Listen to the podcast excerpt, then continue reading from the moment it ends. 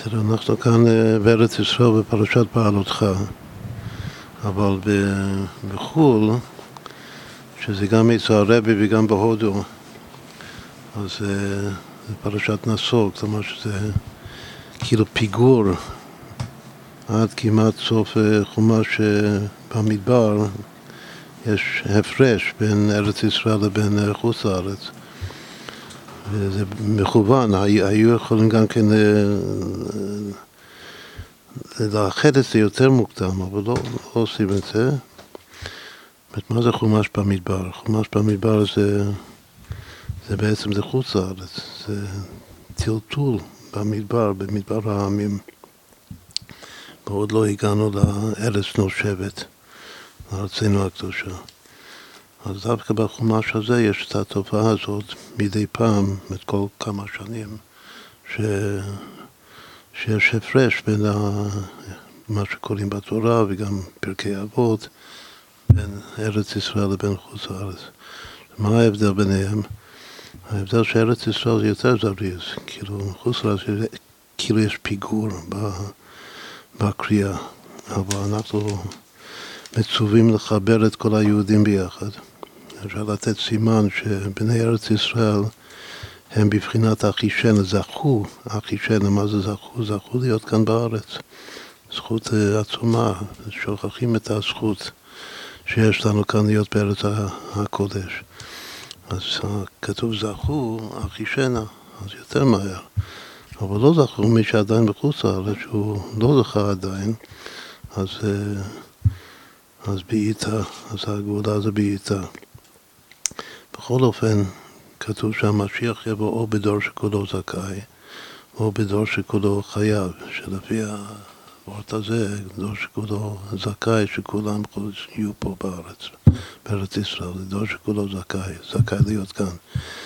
ואז המשיח יבוא בבחינת האחישן. או חס ושלום, שיש גלות וכולם אה, בחוץ לארץ, אז זה גם כן, גם משיח יבוא.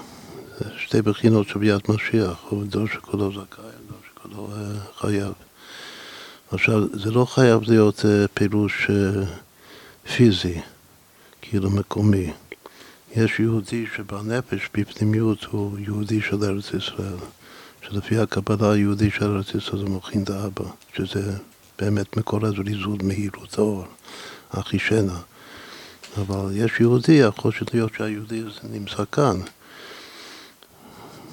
אבל הוא יהודי של חוץ לארץ. כמו שהרבי גם אומר שיש כאן אה, לדאבוננו הרבה אה, מנטליות של חוץ לארץ עדיין.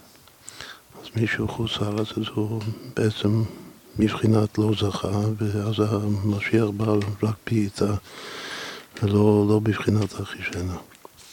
בכל אופן, התקופה הזו שיש הבדל בין הפרשיות, זו התקופה לחבר, ושוב רוצים שזה יימשך.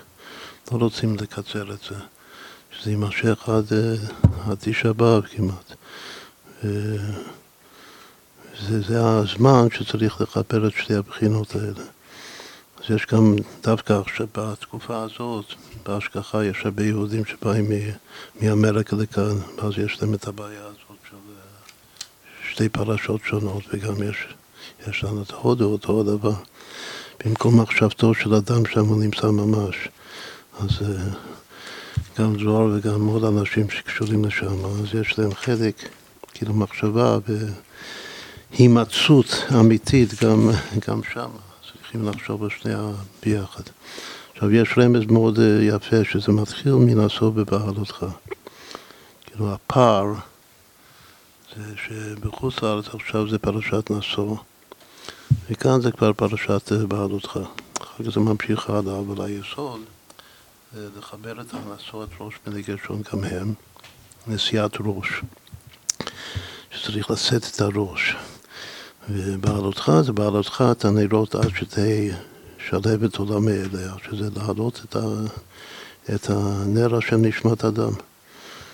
זה כבר איזה מכנה משותף, או שנושאים את הראש, או שמדליקים ומעלים את, ה, את הנרות, שזה הנשמה של היהודי למעלה.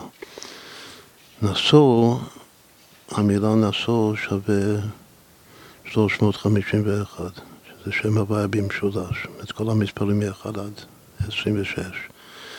ובעלותך שווה 527.